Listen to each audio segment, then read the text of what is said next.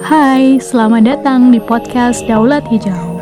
Podcast ini diproduksi oleh Fronahdin untuk Daulatan Sumber Daya Alam Yogyakarta. Oke, mari uh, sekarang kita akan uh, sedikit bertanya kira-kira bagaimana kemudian omnibus law. Misalnya banyak sekali ya isu-isu yang berkaitan dengan omnibus law. Misalnya ada usaha untuk melanggengkan apa suatu usaha investasi itu memungkinkan untuk mengeruk tambang sampai tambangnya habis bisa atau bagaimana sih kira-kira dalam pandangan kawan-kawan Losta ya Losta berkaitan dengan uh, omnibus law pertambangan dan uh, sosial ekologis terima kasih Assalamualaikum warahmatullahi wabarakatuh. Ya, terima kasih atas kesempatannya. Jadi, sebelum kita memulai diskusi untuk membahas Omnibus Law yang lebih panjang terkait isi dari RUU tersebut, mungkin saya akan mencoba untuk menarik dulu ke belakang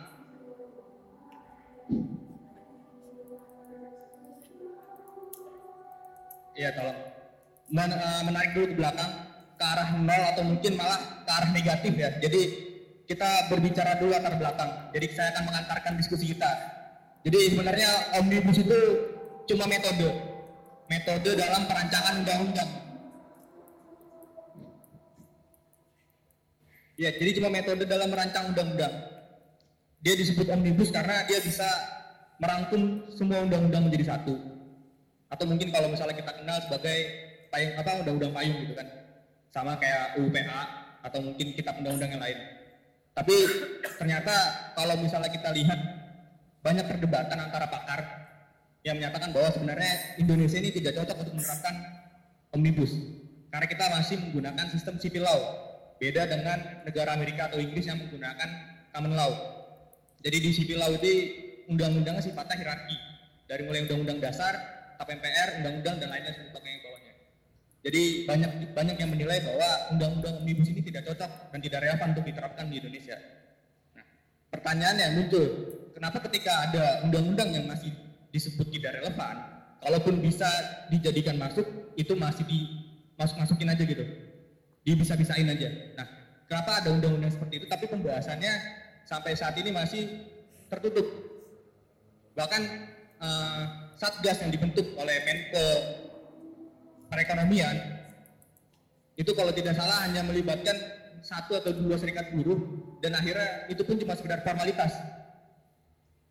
Setelahnya mereka sepakat untuk akhirnya keluar dari dari tim karena memang dalam perancangannya dalam segala macam usahanya memang tidak tidak tidak didengarkan secara penuh karena jadi cuma sekedar formalitas saja untuk melanggengkan draft ini dibentuk untuk akhirnya disampaikan kepada DPR. Lalu sebenarnya inisiasi dari omnibus ini, omnibus ini muncul dari siapa gitu? Kalau tidak salah saya baca dari Kadin, Kamar Dagang Indonesia. Jadi mereka menginisiasi untuk omnibus ini diterapkan. Kenapa? Karena investor asing tentang penanaman modal asing ini di Indonesia ternyata datanya menurun. Investasi menurun dari dari modal asing. Itu disebabkan karena kalau misalnya uh, dari survei yang di, yang dibuat oleh World Economic Forum itu dikarenakan yang pertama itu korupsi, yang kedua masalah inefisiensi birokrasi. Akhirnya muncullah sistem omnibus law ini untuk menghapus segala macam ketumpang tindihan antara satu peraturan dengan peraturan yang lain. Nah, uh, sebenarnya omnibus yang ada di proyeknas itu bukan cuma RUU Cipta Kerja ini. Jadi ada empat kalau tidak salah ada tentang farmasi, Cipta Kerja, lalu perpajakan, salah satu lagi itu iya ibu kota negara, bukan nasional. Nah, jadi ada empat omnibus. Cuma kalau kalau kalau tadi saya sebutkan di awal omnibus ini tidak cocok untuk diterapkan di Indonesia. Jadi sebenarnya kita gak usah membahas sampai jauh ke belakang tentang ke depan tentang isu karena saya rasa memang kita sepakat semua untuk isu isu dari isi RU ini memang sangat-sangat sangat tidak relevan gitu. Terlebih lagi banyak banyak hal yang akhirnya menggusur hak-hak masyarakat. Jadi pernah ada kasus kalau nggak salah tahun 2009 itu Serikat Pekerjanya PLN itu melakukan judicial review ke MK terkait undang-undang listrikan kalau nggak salah. Jadi di sana ada tentang privatisasi listrik segala macam ditolak mentah-mentah oleh mereka dengan dasar Undang-Undang Dasar pasal 33. Nah, ternyata tafsiran dari MK tentang penguasaan air, bumi, udara segala macam tentang milik negara itu mereka menafsirkannya dengan cara yang liberal. Padahal kalau misalnya kita tarik garis uh, penafsiran tentang penguasaan itu sebenarnya Soekarno ini merancang undang-undang dasar ini ada sisi historisnya gitu yang tidak bisa kita lupakan. Pada zaman dulu ya jelas kolonialisme, imperialisme itu harus dibiarkan makanya dia uh, makanya beliau menciptakan undang-undang dasar yang sifatnya lebih kepada sosiodemokratis. Tapi kenapa sekarang pergeseran makna tentang undang-undang dasar pasal 33 itu sudah semakin menjadi liberal kan gitu. Hanya untuk mengikuti pasar atau atau seperti apa saya juga kurang paham. Nah, sebenarnya kita ini harusnya tidak sudah tidak lagi berharap gitu kepada DPR karena apa? Karena ternyata mayoritas di DPR yang kita kenal DPR sebagai fungsi kontrol oleh pemerintah gitu kan karena inisiasi RUU Cipta Kerja ini muncul dari pemerintah dari presiden yang harusnya dia sebagai fungsi kontrolnya ini tidak bisa lagi kita harapkan karena mayoritas dari DPR itu fraksi yang uh, adalah dari partai pendukung dan pengusungnya Jokowi bahkan oposisinya sekarang sudah ditarik untuk menjadi ya satu satu satu lingkungan gitu ditambah lagi 63% dari anggota DPR ini adalah pengusaha ya jelas mereka sangat diuntungkan dari adanya RU ini. Jadi memang sudah tidak tidak tidak tidak layak lagi untuk kita mengharapkan mereka menggagalkan omnibus ini. Jadi memang sudah tugas kita sebagai orang yang nanti akan terdampak karena kita akan lulus dan bekerja. Syukur-syukur tidak bekerja akhirnya jadi investor kan gitu. Kalau memang punya modal. Tapi kalau tidak ya akhirnya kita jadi pekerja aja. Tapi besok kalau misalnya kita jadi pekerja, eh, omnibus ini sudah disepakati untuk jadi undang-undang, kita tidak punya jaminan apa-apa, kita tidak punya perlindungan apa-apa. Kita hanya jadi dijadikan sapi perah oleh mereka. Jadi uh, sebenarnya RUU Cilaka ini atau karena diganti di Cipta Kerja ini memang sudah seharusnya kita tolak karena kalau yang saya baca di bab 13 tentang ketentuan lain-lain, jadi saya melihat bahwa RUU ini adalah jalan dari pintu atau pintu masuk ke pemerintah untuk mengedepankan asas uh, hukum yang spesifik itu akan menggeser hukum yang general. Karena apa? Karena di sana berbunyi ketentuan lain-lain yang belum diatur dalam undang-undang ini akan diatur oleh peraturan pemerintah kalau tidak salah saya baca gitu. Tapi kan kalau misalnya kita mengedepankan fungsi kontrolnya tadi ya sudah tidak bisa kita lagi harapkan. Jadi memang sangat otoriter, pasti akan sangat otoriter nanti di sana. Karena memang kepentingannya di akomodisi ya kepentingan-kepentingan anggota-anggota DPR yang menjadi pengusaha, anggota DPR yang menjadi pengusaha itu ya pasti akan melanggengkan itu. Jadi itu kira-kira pengantar dari saya gitu tentang omnibus asal usulnya atau mungkin uh, tentang apakah ini cocok diterapkan. Jadi harapannya bisa untuk memantik gitu kan. Terima kasih. Kurang lebihnya saya mohon maaf. Assalamualaikum warahmatullahi wabarakatuh. Uh, kalau kita lihat tadi misalnya ada beberapa hal di catatan yang berkaitan dengan satgas yang asal pilih, DPR yang kemudian hari ini kalau kita lihat berita terbaru 75 persen mereka menyepakati atas uh, rancangan omnibus law. Uh, belum lagi anggota dewan yang hampir rata-rata diisi oleh pengusaha ya, apalagi kalau nanti Bang Merah barangkali bisa menceritakan bagaimana tambang ini menjadi salah satu pengusaha tambang ini, eh, Salah satu lagi besar di Indonesia ini kan usahanya tambang punya dia biasanya. Mungkin uh, selanjutnya dari Mas Dimas. Ya, Assalamualaikum warahmatullahi wabarakatuh. Selamat sore teman-teman semua, salam sejahtera untuk kita semua. Mungkin selamat datang dulu untuk teman-teman dari FMK SDA, teman-teman dari luar UPN ya. Beginilah kurang lebih kondisi tempat kami auditorium kami yang mungkin lebih cocok sih gitu kan bahkan untuk diskusi aja kita harus berlawanan sama suara-suara bising dari luar ruang diskusi ini karena kita percaya kalau tumbuhan liar itu yang tumbuh di lahan marginal lebih kuat daripada tumbuhan di lahan subur. ya mungkin tadi uh, pengantar dari Mas Eka, saya lebih mungkin kasih juga pengantar karena saya akan lebih daripada memberikan pencerahan akan lebih jadi tantikan diskusi, tambahan suntikan-suntikan pertanyaan untuk yang bisa kita diskusikan dalam diskusi kita sore ini. Pertama lewat omnibus law adalah sebuah konsep di mana peraturan perundang-undangan mengatur banyak undang-undang substansi undang-undang di dalamnya yang tujuannya adalah menggantikan tumpang tindih undang-undang yang sebelumnya diatur dalam peraturan perundang-undangan sebelumnya sama yang dibilang SK.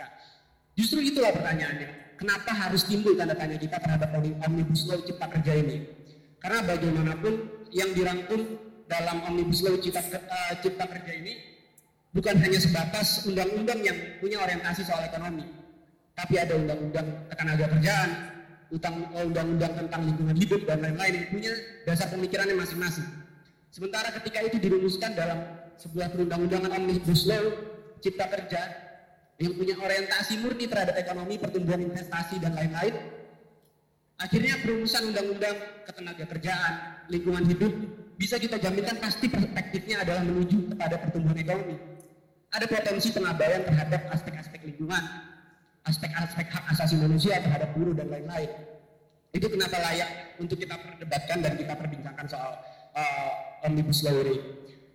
Kalau coba kita baca sebenarnya logika yang dipakai dalam uh, perumusan omnibus law cipta kerja ini bahwa peningkatan investasi akan berdampak atau berujung pada pertumbuhan ekonomi dan pembukaan lapangan pekerjaan. Itu yang coba kita baca. Tapi pertanyaan asumsikanlah jika itu benar misalnya. Tapi pertanyaan apakah biaya atau kos yang akan kita bayarkan di sana akan sesuai dengan harapan pemerintah terhadap pertumbuhan ekonomi. Misalkan katakan 5,3 persen. Sementara dampak yang harus kita bayarkan dampak lingkungan, dampak tenaga kerjaan dan lain-lain. Saya pikir itu perlu pembahasan yang lebih panjang karena kalau dari Presiden Jokowi sendiri kemudian menargetkan DPR untuk bisa menyelesaikan pembahasan omnibus law ini yang saya baca pun tidak sanggup. 1200 1000 sekian pasal eh 1000 sekian halaman. Dan kalau kita bicarakan soal materi saya pikir sudah lebih dahulu sah daripada selesai kita diskusikan.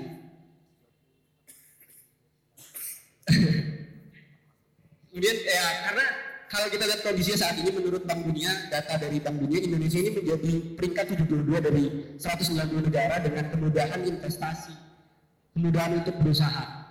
Jelas karena dari pertama sektor tenaga kerja kita yang berlimpah, kemudian murah, jelas murah. Tapi kenapa seakan-akan justru pemerintah daripada alih-alih kemudian menciptakan sistem birokrasi yang efisien, justru malah mengorbankan hak-hak pekerja, mengurangi hak-hak teman-teman buruh, mengabaikan konsekuensi-konsekuensi lingkungan yang akan dihadirkan daripada omnibus law ini. Ada beberapa potensi pengabaian terhadap dampak lingkungan. Saya punya beberapa catatan tentang uh, omnibus law ini, tentang naskah akan uh, draft RU yang beredar, walaupun tidak tahu juga benar atau enggak, karena sampai sekarang teman-teman pun kesulitan untuk cari draft yang draft dan naskah akademik yang asli. Beberapa poin pertama, gagasan yang ada di dalam RUU ini adalah sentralisasi segala kebijakan di dalam uh, pemerintah pusat. Ada beberapa poin yang dihilangkan. Pertama adalah kawasan strategis provinsi dan kabupaten.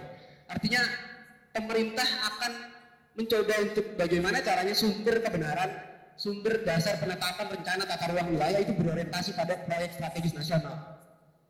Ini yang berbahaya. Artinya ada potensi-potensi pengabaian soal dampak lingkungan hidup, soal uh, kondisi sosial budaya yang ada dalam masyarakat. Karena semua berorientasi pada proyek strategis nasional. Karena sifatnya lingkungan hidup, pemanfaatan lingkungan hidup itu adalah lokal strategis yang bisa dibaca oleh teman-teman di lingkungan di kabupaten ataupun kota di provinsi. Walaupun memang dampaknya kita akui uh, sering kali justru terjadi proses birokrasi yang berbelit-belit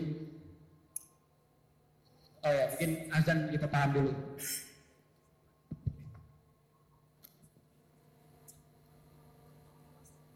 uh, lanjut tadi satu poin yang jadi perbincangan kita soal penghapusan kawasan strategis provinsi dan kabupaten. Kemudian ada juga soal poin izin pemanfaatan ruang yang diganti menjadi kesesuaian pemanfaatan ruang dengan rencana tata ruang. Ini jadi satu poin pelanggaran yang sangat berbahaya kalau saya bilang terhadap dampak lingkungan. Karena yang semula izin pemanfaatan ruang ini tercakup aspek-aspek salah satunya adalah partisipasi dari masyarakat terdampak. Jadi dihilangkan karena hanya semata-mata eh, diganti lewat kesesuaian pema, eh, pemanfaatan ruang dengan rencana tata ruang yang itu ditetapkan oleh pemerintah pusat artinya celah-celah korporasi untuk bisa mengeksploitasi sumber daya alam yang ada di kabupaten, kota, masyarakat desa dan lainnya semakin terbuka lebar tanpa ada pertimbangan yang memang seimbang. Kemudian juga ada uh, ini yang mungkin nanti teman-teman bisa bantu jawab karena saya punya pertanyaan soal bagaimana bisa dalam hal terjadi tumpang tindih antara rencana tata ruang dengan kawasan hutan atau izin atau hak atas tanah penyelesaiannya bisa diatur dalam perpres. Karena kalau yang sebelumnya yang saya tahu RT yang itu adalah perda hanya bisa diajak dibatalkan lewat judicial review ke Mahkamah Agung untuk di uji materi kesesuaiannya terhadap undang-undang.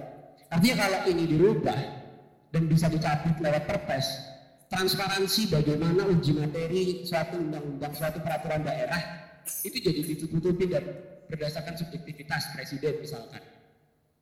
Itu yang jadi pertanyaan besar. Kenapa uh, porsi untuk teman-teman di daerah menentukan hak otonomi daerahnya semakin dikurangi dengan dalih peningkatan dan pertumbuhan investasi. Kemudian juga pelemahan AMDAL sebagai dasar ke keputusan izin usaha. Yang sebelumnya AMDAL ini harus menjadi dasar dalam penyus uh, dalam keputusan izin usaha kemudian hanya dijadikan satu salah satu pertimbangan. Salah satu pertimbangan yang kemudian akan dilakukan uji kelayakan usaha oleh pemerintah pusat. Dan pemerintah pusat boleh menunjuk instansi atau ahli-ahli yang bersertifikat. Dan ahli yang bersertifikat yang semula diterangkan dalam uh, Permen uh, Peraturan Menteri Lingkungan Hidup nomor 5 tahun 2009 kalau nggak salah di situ tetap dijelaskan secara spesifik bagaimana uh, kriteria penguji AMDAL yang memang diakui oleh undang-undang kemudian di sini dihapuskan. Dan ada banyak sekali pasal-pasal pendelegasian yang kemudian diatur dalam peraturan pemerintah. Kalau kita coba baca, aku menggambarkan bahwa pemerintah ini mungkin sudah belajar banyak. Mungkin lewat kemarin aksi-aksi teman-teman mahasiswa reformasi di korupsi dan lain-lain, bahwa atensi atau perhatian publik terhadap peraturan pemerintah mungkin nggak akan semasif dan sebanyak ketika itu diatur dalam peraturan pemerintah. Makanya dalam aturan-aturan yang diatur dalam undang-undang ini di, cenderung di, dikaburkan dan kemudian dispesifikasi nantinya di dalam peraturan pemerintah. Itu jadi pertanyaan menarik yang bisa kita bahas sama-sama.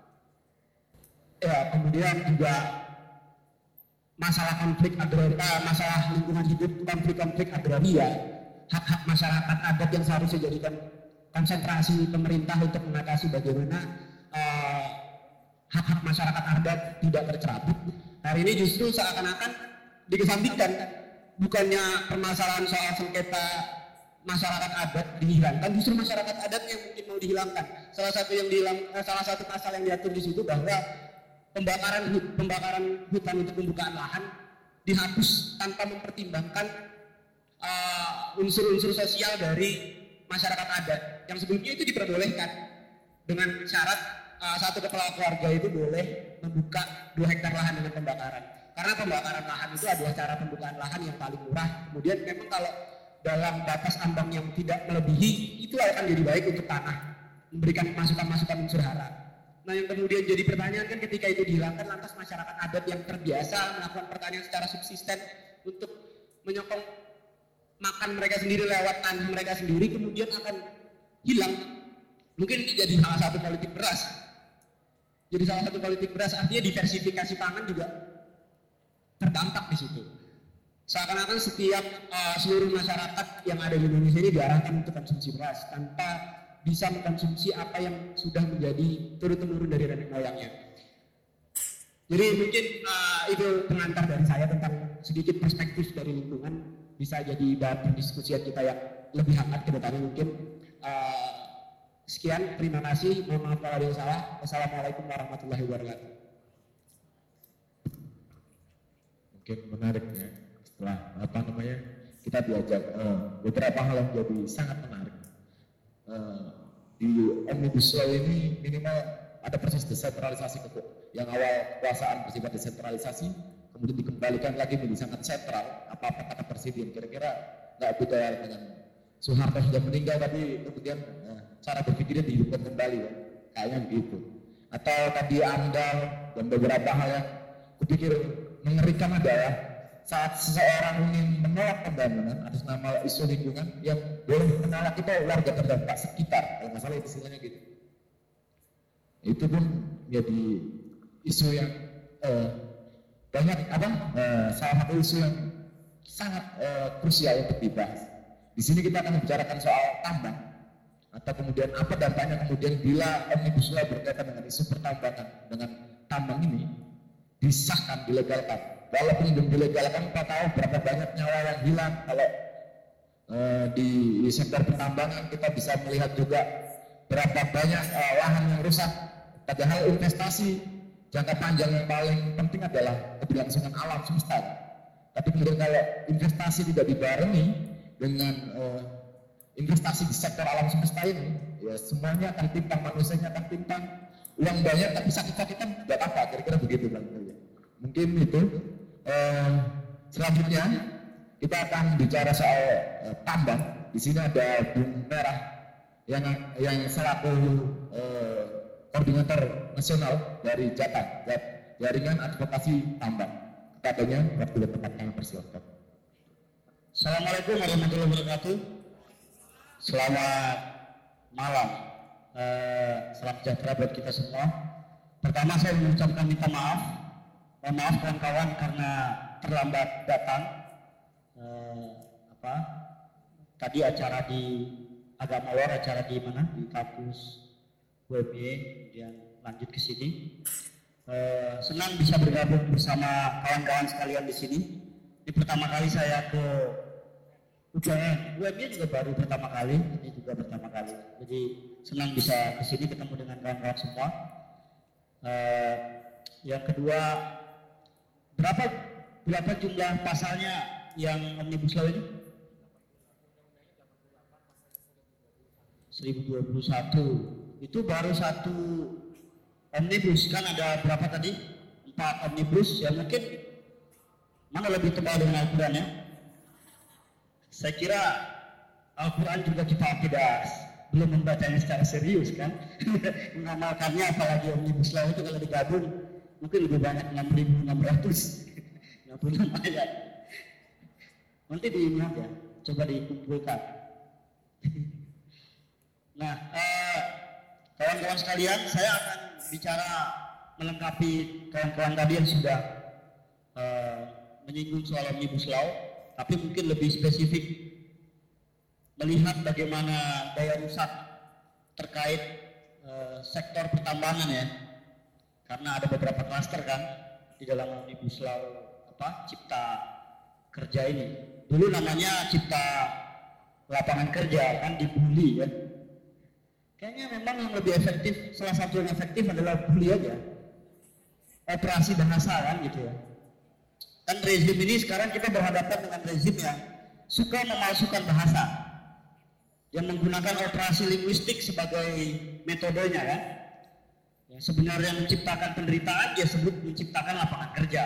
Cilaka gitu. Begitu diplesetkan jadi cilaka dia ubah menjadi cipta cipta kerja. Itu kan sama dengan operasi operasi linguistik pemalsuan bahasa. Sama juga dengan relokasi kan?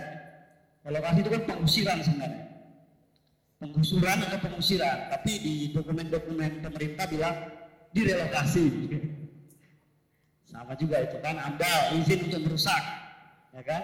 Disebut sebagai analisis mengenai dampak lingkungan. Izin pinjam pakai kawasan hutan. Pinjam pakai kawasan hutan bisa dipinjam pakai kan? Kalau orang hukum kan pinjam sepeda kembali sepeda. Kalau dia pinjam hutan Kementerian Lingkungan Hidup kasih kembalikan lubang. Nah, jadi ini operasi bahasa kekuasaan ini patut diperhatikan sebagai cara dia untuk memudahkan operasi. Nah, jadi saya kasih judul presentasi ini sebagai rencana resmi pengusiran. Saya menggunakan tadi untuk melawan pemalsuan bahasa yang mereka gunakan ya. Jadi ini sebenarnya rencana resmi dari pengusiran peracunan. Saya nggak mau pakai kalimat pencemaran lagi kalau ada yang lebih lebih terbuka dan lebih vulgar lagi dari peracunan kita pakai karena pencemaran ini diatur ambang batas. Pencemaran boleh asal batasnya baku mutunya terpenuhi, silahkan dibuang limbahnya begitu kan. Jadi itu rezim operasi bahasa yang bekerja dalam teknik-teknik apa pertambangan. Nah, beruntung kita ada di tempatnya langsung kan. Jadi pengusiran, peracunan, dan pembentukan pengungsian sosial ekologis. Kita lihat di slide uh, berikutnya. Nah, kita mulai dengan berita ini. Ini berita yang menurut saya mewakili situasi uh, beberapa kota, beberapa wilayah. Karena di awal tahun kan heboh tuh Jakarta kan.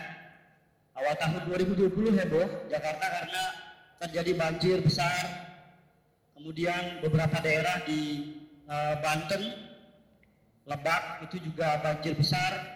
Kemudian Badan Nasional Penanggulangan Bencana (BNPB) itu mengumumkan bahwa sudah terjadi lebih dari 2000 3000 ya, lebih dari 3000 apa titik bencana dan menyebabkan 6 juta masyarakat itu dilekati dengan status sebagai pengungsi.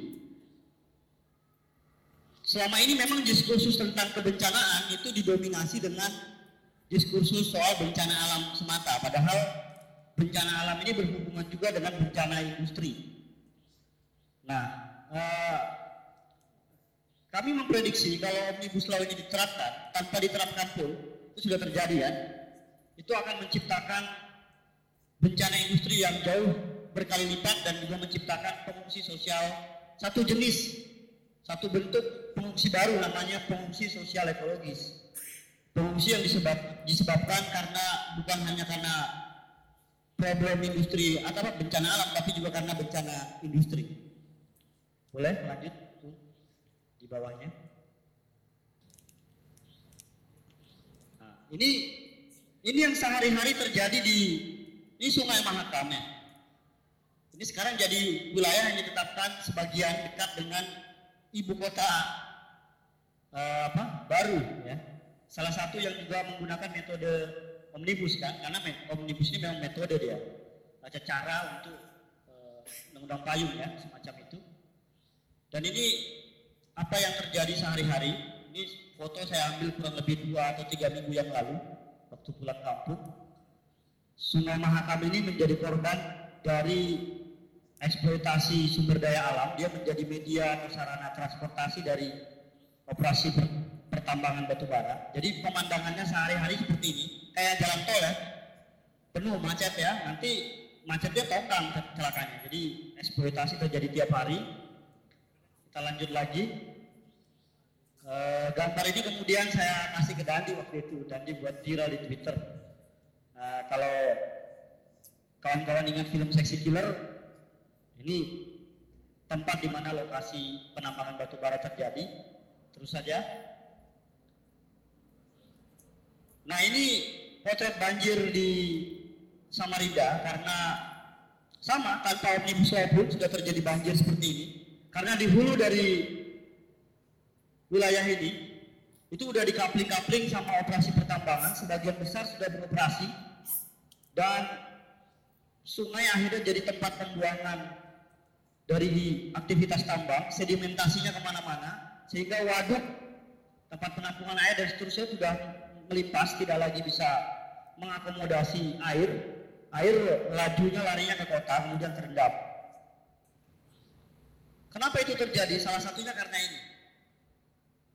Jadi sampai sekarang itu ada 44% dari daratan kepulauan Indonesia itu sudah dikapling-kapling. Sumatera, Eh, Kalimantan, pulau-pulau kecil di sebagian Maluku bagian utara, kemudian Papua itu sudah dikapling-kapling oleh operasi pertambangan ya. Ada 9.000 izin usaha pertambangan itu baru mineral dan batu bara, itu belum termasuk kontrak karya dan PKP 2B. Kontrak karya saya maksud misalnya PT Freeport ya di Papua yang menambang emas dan tembaga, kemudian eh, pertambangan minyak bumi dan gas alam. Jadi kalau di total kira-kira daratan dan kepulauan Indonesia itu sama perairannya itu udah 44 persen. Ini belum jenis perizinan lain ya. Konsesi-konsesi lain seperti konsesi kehutanan, hutan tanaman industri, sawit, kemudian eh, bisnis properti dan seterusnya. Bisnis wisata kalau di, di Jogja ya kan.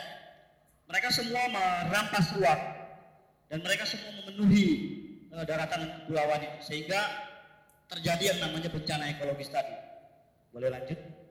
Dan itu ada hubungannya dengan sebenarnya politik kita tadi disinggung oleh Bung Oden juga ya bahwa izin-izin tambang ini tidak lahir di ruang kosong, dia kurvanya atau volumenya itu meningkat kalau berada di momentum atau periode terkait pemilihan kepala daerah, kepala daerah, kemudian eh, pemilihan presiden, pemilihan apa anggota legislatif, karena biasanya biaya politik dari para politisi, para kandidat yang maju ini dipenuhi dari uang transaksi sumber daya alam. Salah satunya adalah bisnis pertambangan. Ini sebaran izin-izin tambang. Lanjut saja.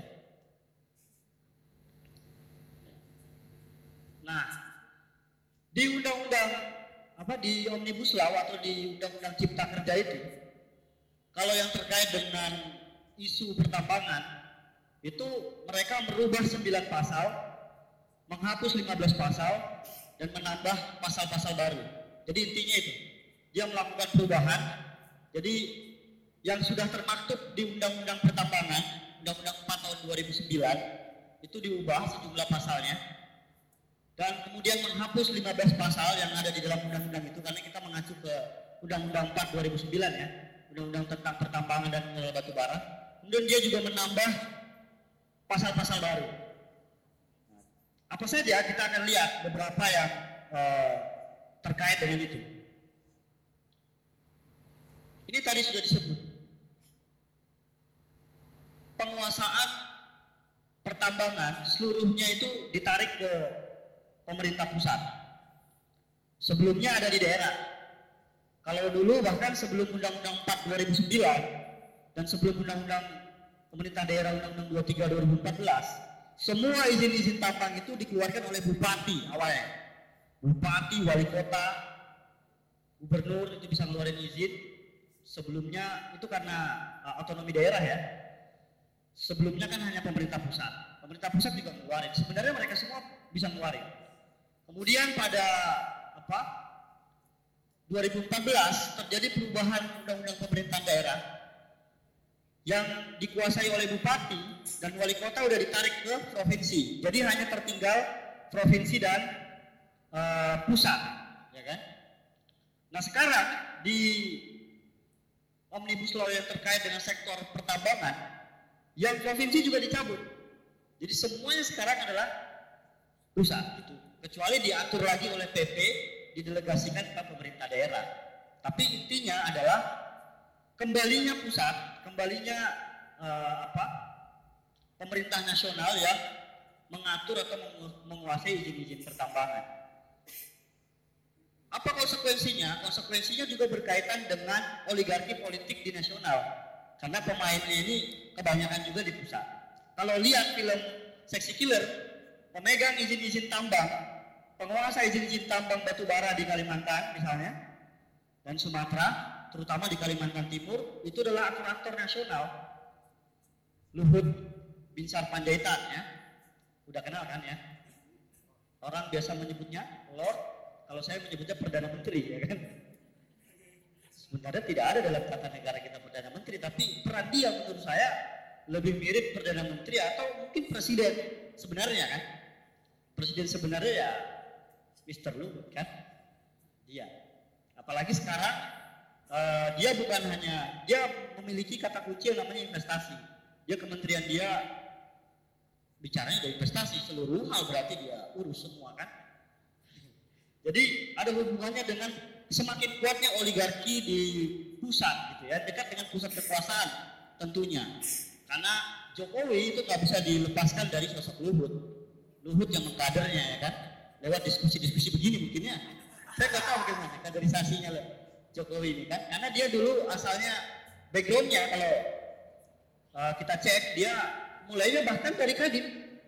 Dia adalah pengurus Kadin untuk terutama untuk sektor tambang di uh, Solo waktu dia masih sebelum menjadi uh, apa wali kota Solo. Jadi memang Kadin dia juga. Lanjut, jadi itu yang berhubungan itu yang terlihat dari sejumlah perubahan pasal, sejumlah uh, apa penghapusan pasal di yang terkait dengan peran antara pemerintah daerah dan pemerintah pusat. Yang kedua, sebenarnya sederhana kalau mau melihat omnibus law ini, kota kuncinya cuma dua. Pertama adalah dia bicara soal pembenahan ruang, ya kan? Penguasaan konsesi lebih besar. Yang kedua adalah kepastian berusaha. Cuma itu kan? Dua aja. Kenapa ruang? Ya dia butuh untuk untuk mendapatkan akumulasi kapital lebih besar. Dia membutuhkan luas konsesi yang jauh lebih besar atau tidak terbatas tadi disebut. Nanti kita lihat pasal.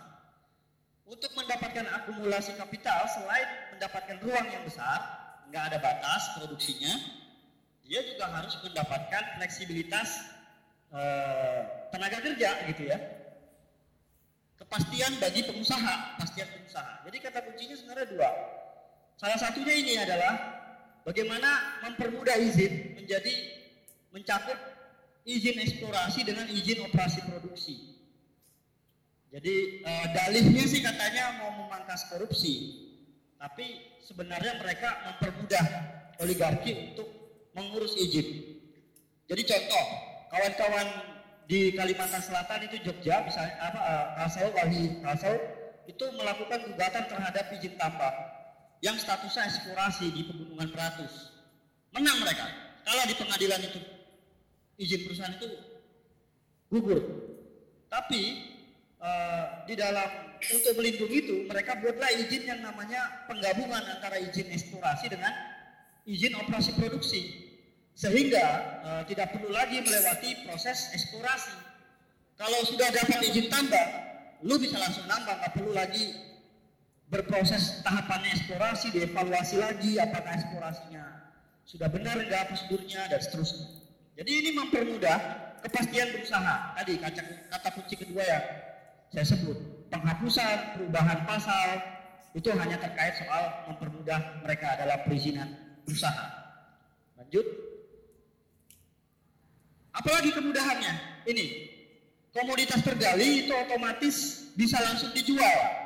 Jadi dia kalau nambang timah di Bangka Belitung, ketemu emas atau ketemu logam tanah jarang LTJ yang harganya mungkin lebih mahal dari lebih lebih ber apa ya, lebih berharga daripada komoditas utamanya, dia nggak perlu lapor ke pemerintah, dia bisa langsung jual itu.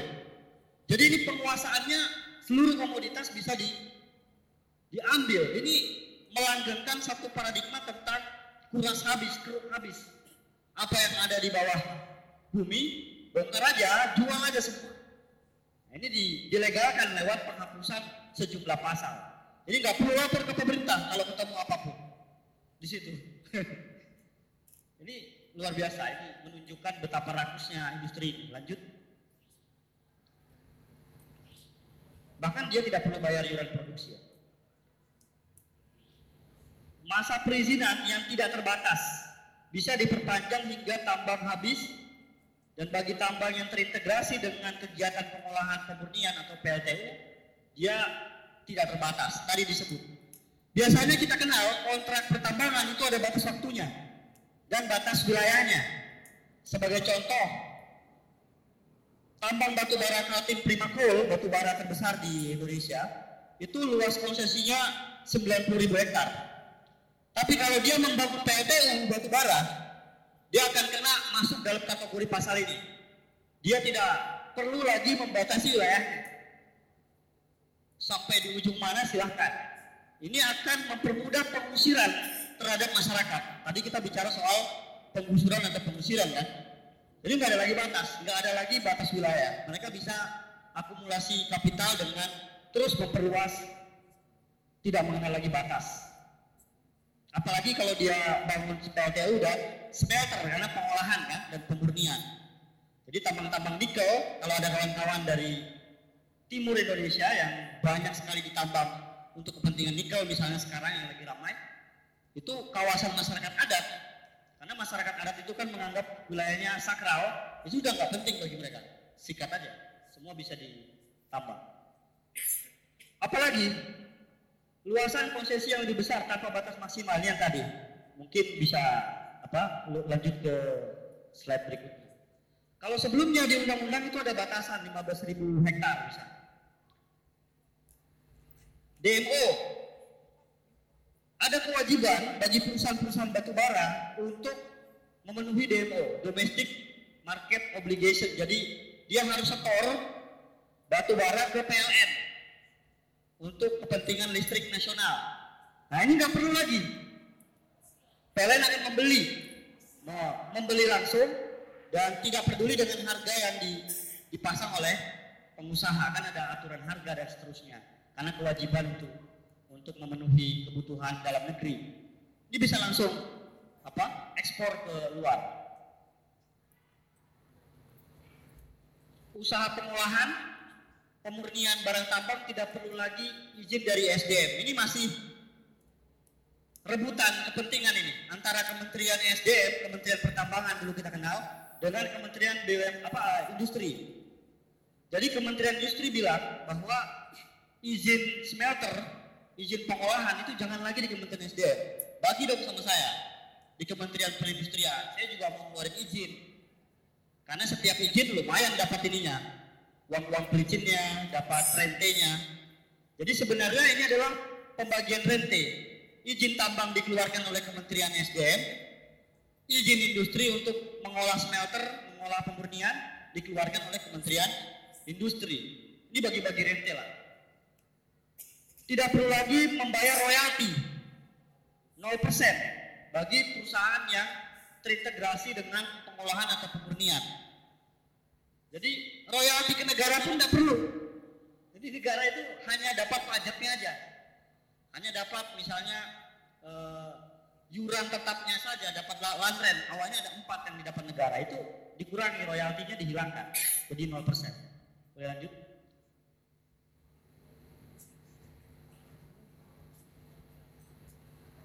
Nah ini yang parah. Jadi negara itu sekarang berubah perannya. Biasanya dalam pertambangan, sosialisasi pertambangan mau beroperasi itu dilakukan langsung oleh pengusaha atau perusahaan tambang. Di dalam salah satu pasal di Omnibus Law Cipta Kerja ini, itu diatur pasal tentang delegasi kewenangan kepada negara atau pemerintah. Jadi pembebasan tanah tidak dilakukan lagi oleh perusahaan, tapi pemerintah. Jadi pemerintah kalau sudah kasih izin, pengusaha bisa tagih ke pemerintah saya mau operasi nih, ada masyarakat menolak, ada masyarakat adat yang membangun blokade, melakukan aksi, melakukan penolakan, demonstrasi. Saya ingin cepat menambang ini, tolong diselesaikan lah. Jadi turun martabatnya negara, wibawanya negara, derajatnya negara menjadi tenteng tanah. Ini, iya ya kan? Karena pembebasan tanah diurus oleh pemerintah. Jadi kalau kita bicara soal konstitusi, kedaulatan negara, Omnibus Law Cipta Kerja yang terkait dengan tambang ini jelas-jelas sudah menghilangkan seluruh kedaulatan, sudah melenyapkan amanah konstitusi dan menghilangkan wibawa negara di hadapan korporasi. Padahal maksudnya undang-undang yang sebelumnya kan, itu bagaimana negara itu di atas korporasi, korporasi harus di bawah. Karena itulah dirubah rezim kontrak menjadi rezim izin kan. Kontrak-kontrak karya itu harus di bawah izin. Izin harus lebih tinggi, tapi ini semuanya dilucuti. Lanjut. Jadi nanti yang menjadi centengnya adalah uh, pemerintah. Kontrak karya yang dan PKP 2 yang habis masa berlaku langsung otomatis perpanjangan tanpa perlu mengembalikan konsesi dan tanpa mengikuti lelang. Jadi ada tujuh perusahaan yang sekarang mau habis masa berlakunya. Tujuh perusahaan raksasa batubara ini adalah produsen 70% batubara yang isinya adalah oligarki semua. Salah satunya adalah perusahaan namanya Adaro. Adaro ini ada nama penting di situ namanya Garibaldi Tohir, keluarga Tohir ya. Keluarga Tohir ini juga salah satunya menjadi menteri apa BUMN ya, namanya Erick Thohir. Kalau kalian pergi ke Tabalong, di sana mereka punya masjid besar sekali, namanya At-Tohiria. At-Tohiria. Jadi itu mereka menguasai tidak hanya lahan sampai agama mereka kuasai. Di Kaplen juga mungkin surga di sana kalau kalian pergi, mohon maaf kalian nanti pergi ke surga, loh udah ada konsesi. Bisa Tohir. Jadi ini oligarki ini perusahaan tambangnya mau habis, ya tiga tahun atau empat tahun lagi mau habis kontraknya. Mereka yang menitipkan pasal ini agar perpanjangan otomatis kontrak karyanya itu tidak terganggu dengan pengembalian wilayah ke negara. Dan keinginan negara sebenarnya adalah bagaimana sumber daya alam ini kembali dikuasai negara. Karena itulah ditunggu sampai habis masa berlakunya, itu harus kembali ke negara dulu. Kalau ada yang berminat lagi dengan wilayah tambang ini dilakukan namanya lelang kan. Lelang ini nanti beauty contest, mana yang paling layak itu yang menang biasanya walaupun itu semuanya juga mitos, mereka juga main kan. Tapi ini tidak, paling tidak menjadi rem uh, untuk bicara kedaulatan negara kan. Nah akhirnya mereka mendapatkan pasal ini, ini pasal yang otomatis tidak perlu kembali lagi ke negara. Tujuh perusahaan ini bukan hanya Daru, ada namanya KPC juga itu oligarkinya Bakri, ya. ya anaknya Bakri ini menguasai media, ya. Jadi oligarki politik, oligarki tambang menguasai juga oligarki media, bos media kan. Suaminya itu loh artis siapa yang nggak bisa buka rambutan, itu kan? Hah? Oh salak ya?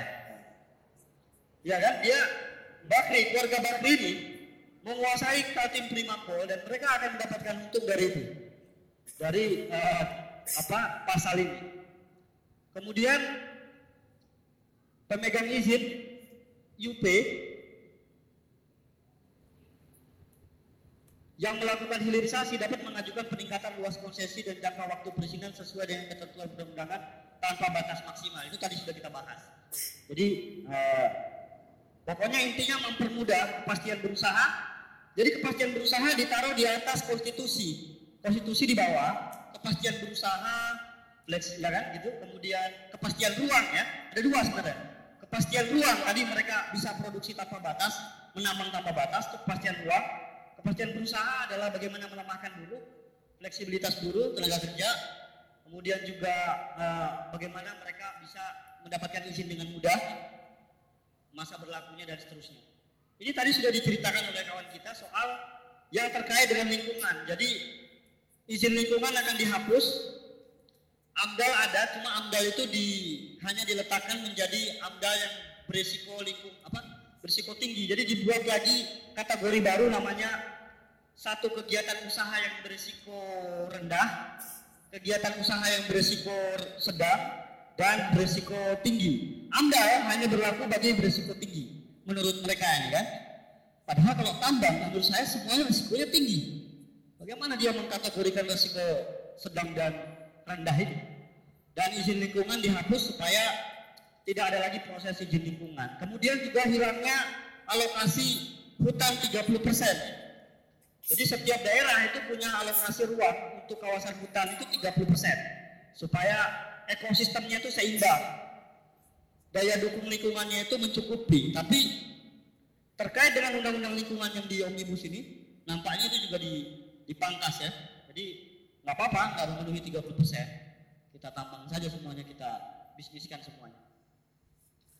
Tadi sudah disebut juga bagaimana pelibatan pembahasan AMDAL tidak akan melibatkan lagi kelompok pemerhati masyarakat yang hanya dilibatkan itu yang terdapat langsung yang ada di situ.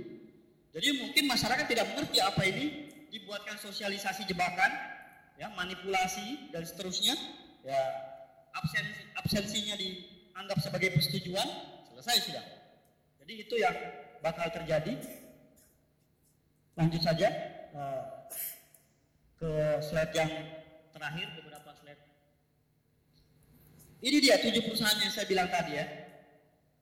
Tujuh perusahaan batubara raksasa yang akan habis masanya, masa berlakunya dalam beberapa waktu ke depan. Eh, ada MHU, ada Adaro, ada Kideko Jaya Agung, ada MHU dan seterusnya. Dan mereka ini luas-luas, luasannya ada yang 119 ribu hektar kayak Braupol. Sementara di undang-undang kalau dia mengembalikan ke negara dia harus menyempitkan, apa, menciutkan menjadi 15 ribu hektar saja. Terus, nah ini apa hubungannya? Eh, akhir tahun lalu Presiden mengeluarkan Perpres, peraturan Presiden tentang mobil listrik. Salah satu komponen yang paling penting adalah baterai kendaraan listrik, lithium, dan itu berasal dari nikel. Nah, di Indonesia, kecenderungannya sekarang setelah booming eksploitasi batu bara, itu sedang belok ke arah penambangan nikel. Kita lihat di slide berikutnya. Dan mereka yang menguasai bisnis hilir industri otomotif terutama yang seperti tadi itu berhubungan dengan baterai listrik ini akan menerima manfaat dari itu. Nah ini rencana pembangunan smelter nikel. Jadi penambangan nikel kemudian diolah nikel, ferronikel kemudian menjadi baterai apa uh, lithium kemudian untuk kendaraan listrik ini. Dan celakanya penguasa rantainya ini adalah lagi-lagi Mr. Lord kita, uh, Perdana Menteri Presiden sesungguhnya Luhut Binsar Panjaitan. Dia menguasai tambang-tambang nikel. Jadi tambang-tambang nikel seperti bintang 8 mineral di Sulawesi Tengah, smelter, kemudian PLTU batubara, kemudian tambang batubara, dia semua ini. Jadi ini konflik of interest. Dia menguasai semua. Ini target pembangunan smelter nikel. Ini kebutuhan listriknya. Nikel ini nggak mungkin bisa diproses tanpa supply pasokan listrik skala besar. Jadi ada 3000 lebih megawatt pasokan listrik yang dibutuhkan dan itu akan semua mengalir juga ke untuk kompleks industri nikel yang akan dilihat di slide berikutnya. Ini dia uh, sebelum ke sana. Ini nikel. Uh, kebanyakan yang ditambang adalah pulau-pulau kecil, pulau-pulau besar juga sudah dihancurkan, pulau-pulau kecil juga ada 54 rasanya itu ya. Uh, pulau kecil yang ditambang di Indonesia, 22-nya adalah tambang nikel, luasnya setara dengan 100 kali luas Jakarta. Mereka nambang di Maluku Utara, di Sulawesi, bagian tengah, Tenggara, sebagian Papua, Papua Barat. Itu dihabisi semua untuk kepentingan nikel dan itu disebut celakanya dengan konsep sebagai inilah masa depan energi hijau, ya kan? Green energy dengan listrik, uh, dengan apa? Uh, mobil listrik, dengan baterai listrik. Inilah low carbon economy. Yang satu high carbon economy batu bara. Kita tinggalin batu bara. Kita beralih ke uh, yang seperti ini, yang nikel menjadi simbolnya.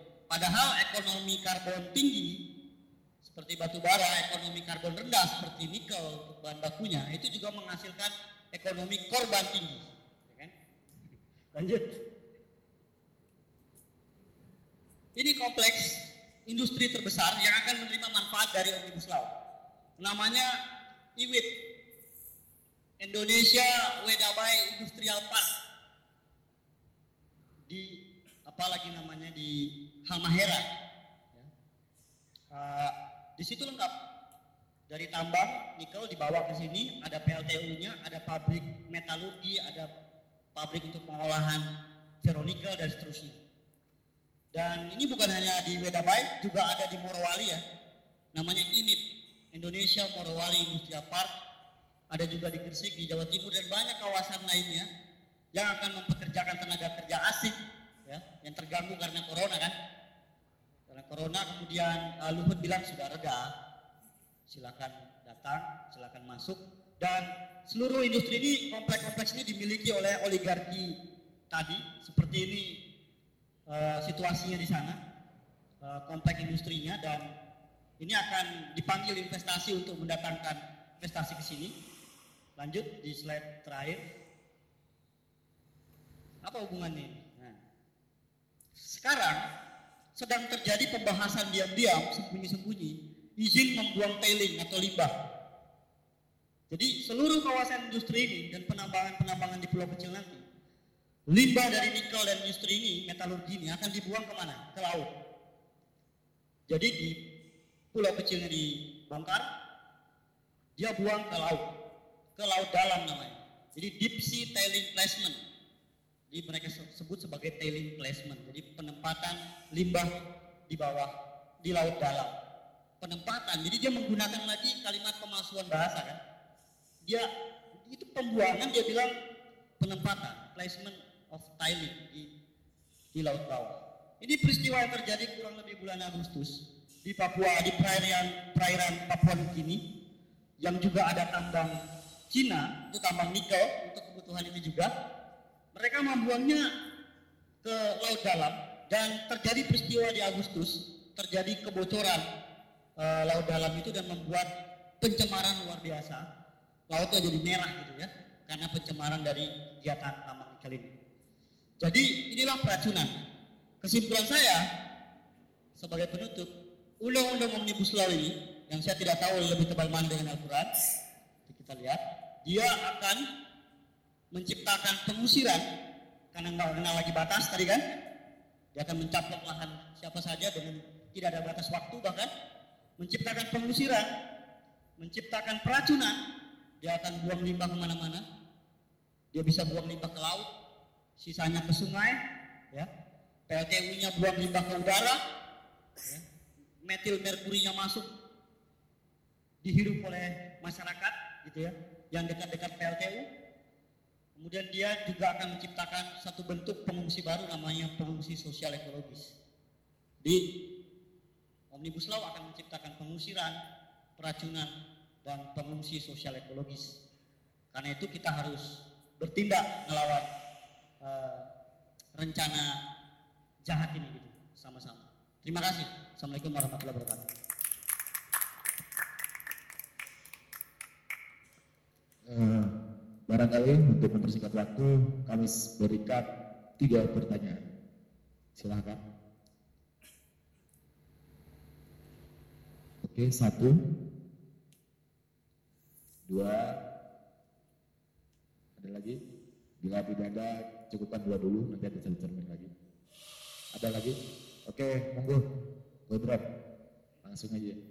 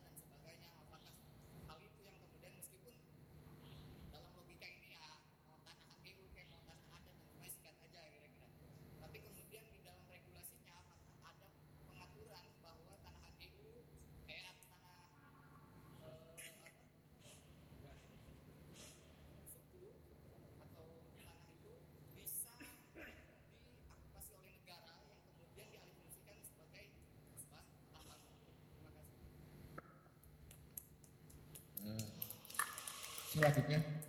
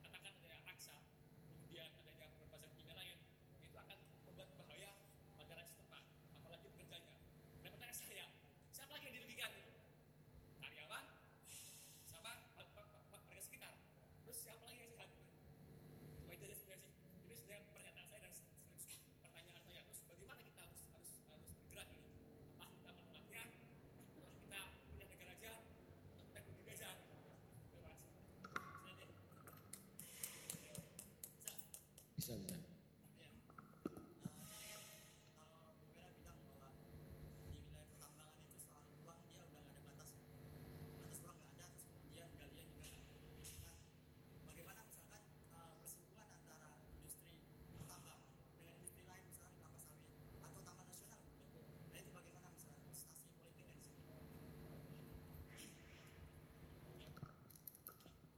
mungkin langsung saja pertanyaan pertama berkaitan dengan apakah kemudian nanti tanah adat ini mungkin apa bisa diambil alih oleh eh, tambang sebagaimana di pasal yang berkaitan dengan undang-undang pertanahan itu di dalamnya tanah adat itu memungkinkan bila kemudian suku ketua adatnya atau eh, kelompok adat itu menerima untuk dijadikan wilayah perkebunan. Kita akan praktek semacam itu juga terjadi di wilayah per- pertambangan. Ya bisa.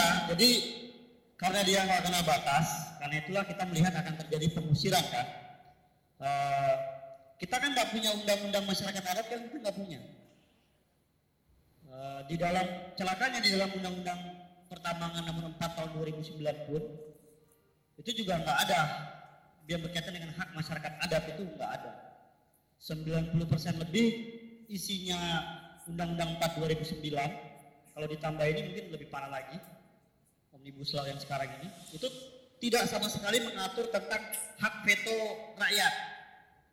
Ini menunjukkan bahwa pengusaha punya hak veto ini. Jadi kedaulatan ada di tangan korporasi bukan pada rakyat kan? Bahkan daerah pun sudah dirampas kan? Naik ke pusat sekarang. Jadi yang harus kita dorong sebenarnya adalah vetonya rakyat kan? Hak untuk mengatakan tidak. The right to say no. Ada nggak hak masyarakat untuk mengatakan tidak? Itu nggak diatur. Jadi masyarakat memang tidak dilindungi gitu. Ini memang undang-undang yang memang uh, didesain untuk melindungi pengusaha tadi kan. Dua hal tadi memastikan dengan omnibus law ingin lebih memastikan lagi. Jadi pasti akan ada apa perampasan wilayah masyarakat adat itu uh, apa terjadi bahkan perampasannya itu bisa dengan cara kekerasan atau ya kekerasan tersembunyi kan. Selama ini yang digunakan kekerasan tersembunyi dengan cara manipulasi, absensi dijadikan daftar hadir, dianggap daftar hadir dianggap setuju kan. Kasus AMDA kan banyak seperti itu ya, e, memasukkan e, apa persetujuan masyarakat. Dan sekarang dihadap-hadapkan dengan pemerintah, apalagi pembebasan tanah dilakukan oleh langsung oleh pemerintah. Nah, jadi yang terjadi menurut saya memang ini uh, mau mengusir masyarakat adat. Ini harus ada kemarahan dari masyarakat uh, adat gitu ya. Harus ada boykot dan sabotase yang lebih dahsyat lagi gitu. Uh, semua orang bisa mengambil peran dalam menggagalkan rencana ini karena berbahaya sekali. Terus yang kedua tadi soal benar ya, jadi pertambangan rakyat itu masih ada. Cuma kan memang pertanyaannya ini kan kontradiksi juga kan, pertambangan rakyat ini kan betulkah itu rakyat? Karena kalau masih mending di Undang-Undang 1167, kalau cek Undang-Undang Pertambangan 1167 itu ada definisi pertambangan rakyat. Pertambangan rakyat adalah menggunakan alat-alat tradisional, gitu kan? Nah, di dalam Undang-Undang 4 2009 tidak ada. Jadi kalau dia bawa alat berat itu pertambangan rakyat atau tidak? Memangnya pengusaha bukan rakyat? Itu kan banyak pertanyaan di situ. Nah, yang dirubah itu hanya nomenklatur ya, Bung. Jadi dulu UP, UPR gitu ya, UPK sekarang dirubah menjadi PBT, perizinan berusaha pertambangan perizinan pertambangan rakyat PPR dulu UPR perizinan berusaha pertambangan khusus BBPK jadi cuma ganti-ganti ininya tapi logikanya masih sama bahkan lebih serem lagi nih omnibus ini karena tadi udah tidak mengenal batas juga eh, bahkan kan dalam situasi sekarang saja banyak tambang-tambang itu sudah overlapping kan? Tadi kalau bicara tumpang tindih. Dia udah membuat konflik. Konfliknya bahkan tidak hanya dengan masyarakat bahkan dengan izin perkebunan. Banyak tuh tambang yang tumpang tindih antara pertambangan dengan perkebunan kelapa sawit. Banyak itu. Dengan kawa, antar kawasan dengan kawasan konservasi hutan lindung dengan perkebunan dengan yang lain padahal kita punya misalnya undang-undang tentang lahan pangan berkelanjutan itu kan melindungi lahan pertanian sebenarnya tapi banyak lahan pertanian lahan pangan yang dikonversi dirubah menjadi lahan e, pertambangan. Bahkan di Kalimantan itu penambangan itu di kawasan transmigrasi. Jadi orang yang sudah dapat tanah dari Pulau Jawa gitu ya, mau mengadu nasib yang lebih baik, dapat dua hektar tanah transmigran itu, udah dua generasi, tiga generasi membabat hutan, susah payah membuka hutan, kemudian tambang masuk. Padahal ini kan programnya Kementerian apa Departemen Transmigrasi. Jadi di negara ini memang kacau antara kementerian dengan kementerian lain, departemen dengan departemen lain tabrakan. Programnya Kementerian Transmigrasi ya transmigrasi orang, memastikan dia hidup di tempat yang baru. Programnya Kementerian Pertambangan menambah di situ. Dia tambang orang di situ kan, dia rusak kawasannya.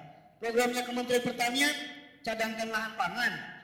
Ada programnya Kementerian Pertambangan dia ajar jadi kalau kita periksa APBN kita mungkin 30 sampai 40 persen dana APBN, uang APBN ini habis membiayai orang antar kementerian berantem merusak satu sektor dengan sektor lain. Iya kan? Sayang sekali itu, mari kita hitung aja berapa anggaran kesehatan. Anggaran Kementerian Kesehatan berapa triliun. Anggaran Kementerian Lingkungan berapa triliun. Ini tabrakan dengan anggaran eksploitasi yang, yang berhubungan dengan sektor-sektor tadi itu. Itu nggak beres. Dan itu yang terjadi, apalagi ada omnibus law ini, ya kan? Ini sebenarnya rencana yang lebih sistematis untuk melakukan eh, tadi itu pengusiran, kemudian peracunan, dan memang berbahaya, terutama kalau kita bicara misalnya penambangan emas itu pasti merkuri, ya, raksa kan? Kemudian juga sianida sekarang, sebagian besar menggunakan metode heat bleaching kayak di Banyuwangi itu, yang dibela mati-matian oleh Kopipa itu, ya kan? itu kan BSI itu kan menggunakan metode heat bleaching. Jadi dia rendam, perendaman itu loh. Dia perendaman, dia ya ini kan industri tambang ini kan industri primitif. Ya kan ekonomi paling primitif, adalah ekonomi yang menggantungkan diri pada ekonomi tambang. Karena dia bisa menghancurkan, merusakkan gitu. Nah itu yang mereka lakukan. Heat bleaching itu sianidanya dia buang nah, di situ, kemudian limbahnya dia buang ke Sungai Katak namanya. Sungai Kataknya mengalir ke muaranya ke apa uh, muara laut atau apa pantai tumpang pitu itu pulau merah ya pulau merah itu makanya mati penyu kemudian terjadi banjir lumpur dan seterusnya jadi ini sedang menciptakan uh, virus-virus baru selain virus corona kan?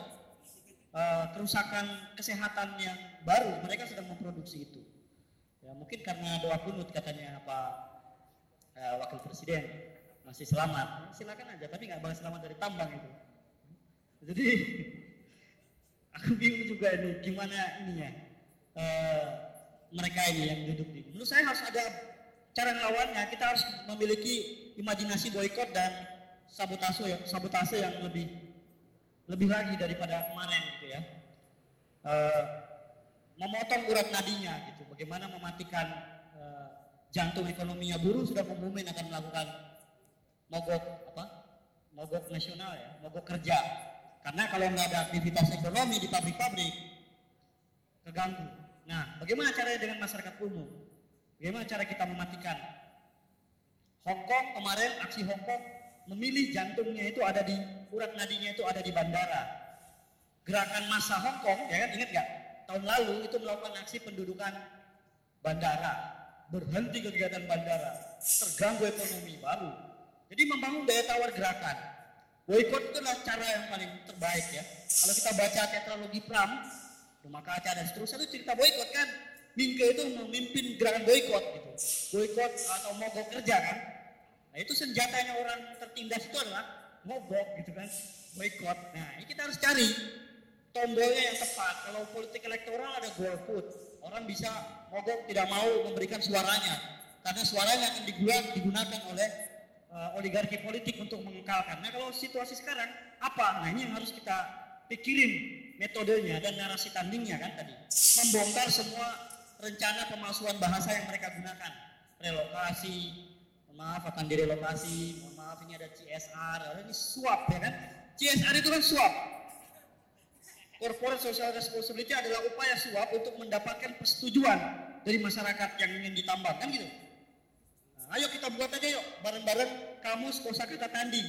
Jadi kita buat kamus kita kumpulin yang membongkar semua kosakata yang dibuat oleh rezim kapitalis ini gitu kan. Kapitalis palsu juga karena mereka sebenarnya oligarki kan. Uh, Ruth McVeigh bilang, Ben Anderson bilang bahwa kapitalisme itu nggak bisa mendarat kalau dia nggak punya karpet yang namanya oligarki. Makanya ada pertemuan IMF itu panitianya Luhut lagi, Mister Luhut lagi. Kayaknya kita perlu buat video lima hal yang kamu harus ketahui soal Luhut. Ya kan? Satu dia ketua panitia IMF World Bank di Bali ya kan, yang pertama kali menjadi ide omnibus law ya kan. Kemudian dia juga menjadi menteri apa? Dia menjadi tim ses, menjadi tim Bravo 5, dia menjadi macam-macam, dia jual semuanya. Ini semua tentang Luhut kayaknya. Saya malas bicara Luhut nanti saya mimpi tentang dia kan. Kacau. Iya, jangan sampai mimpi. Jadi kita butuh imajinasi gerakan baru yang menyatukan semuanya, buruh, petani, masyarakat adat, ya kan? Kita sampaikan ini semua dengan lebih mudah, dikonsumsi orang banyak, ngajak seniman, ngajak orang yang bisa membuat gambar lebih baik daripada teks-teks saya tadi itu.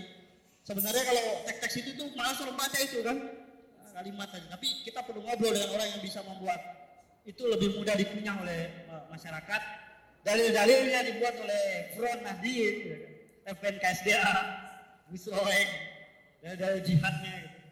Jadi caranya ngelawannya kita harus mencari tuh apa nih boykotnya, apa nih uh, sabotasenya. Kan mereka melakukan sabotase. Undang-undang ini adalah sabotase terhadap keselamatan dan kesejahteraan. Saya kira itu.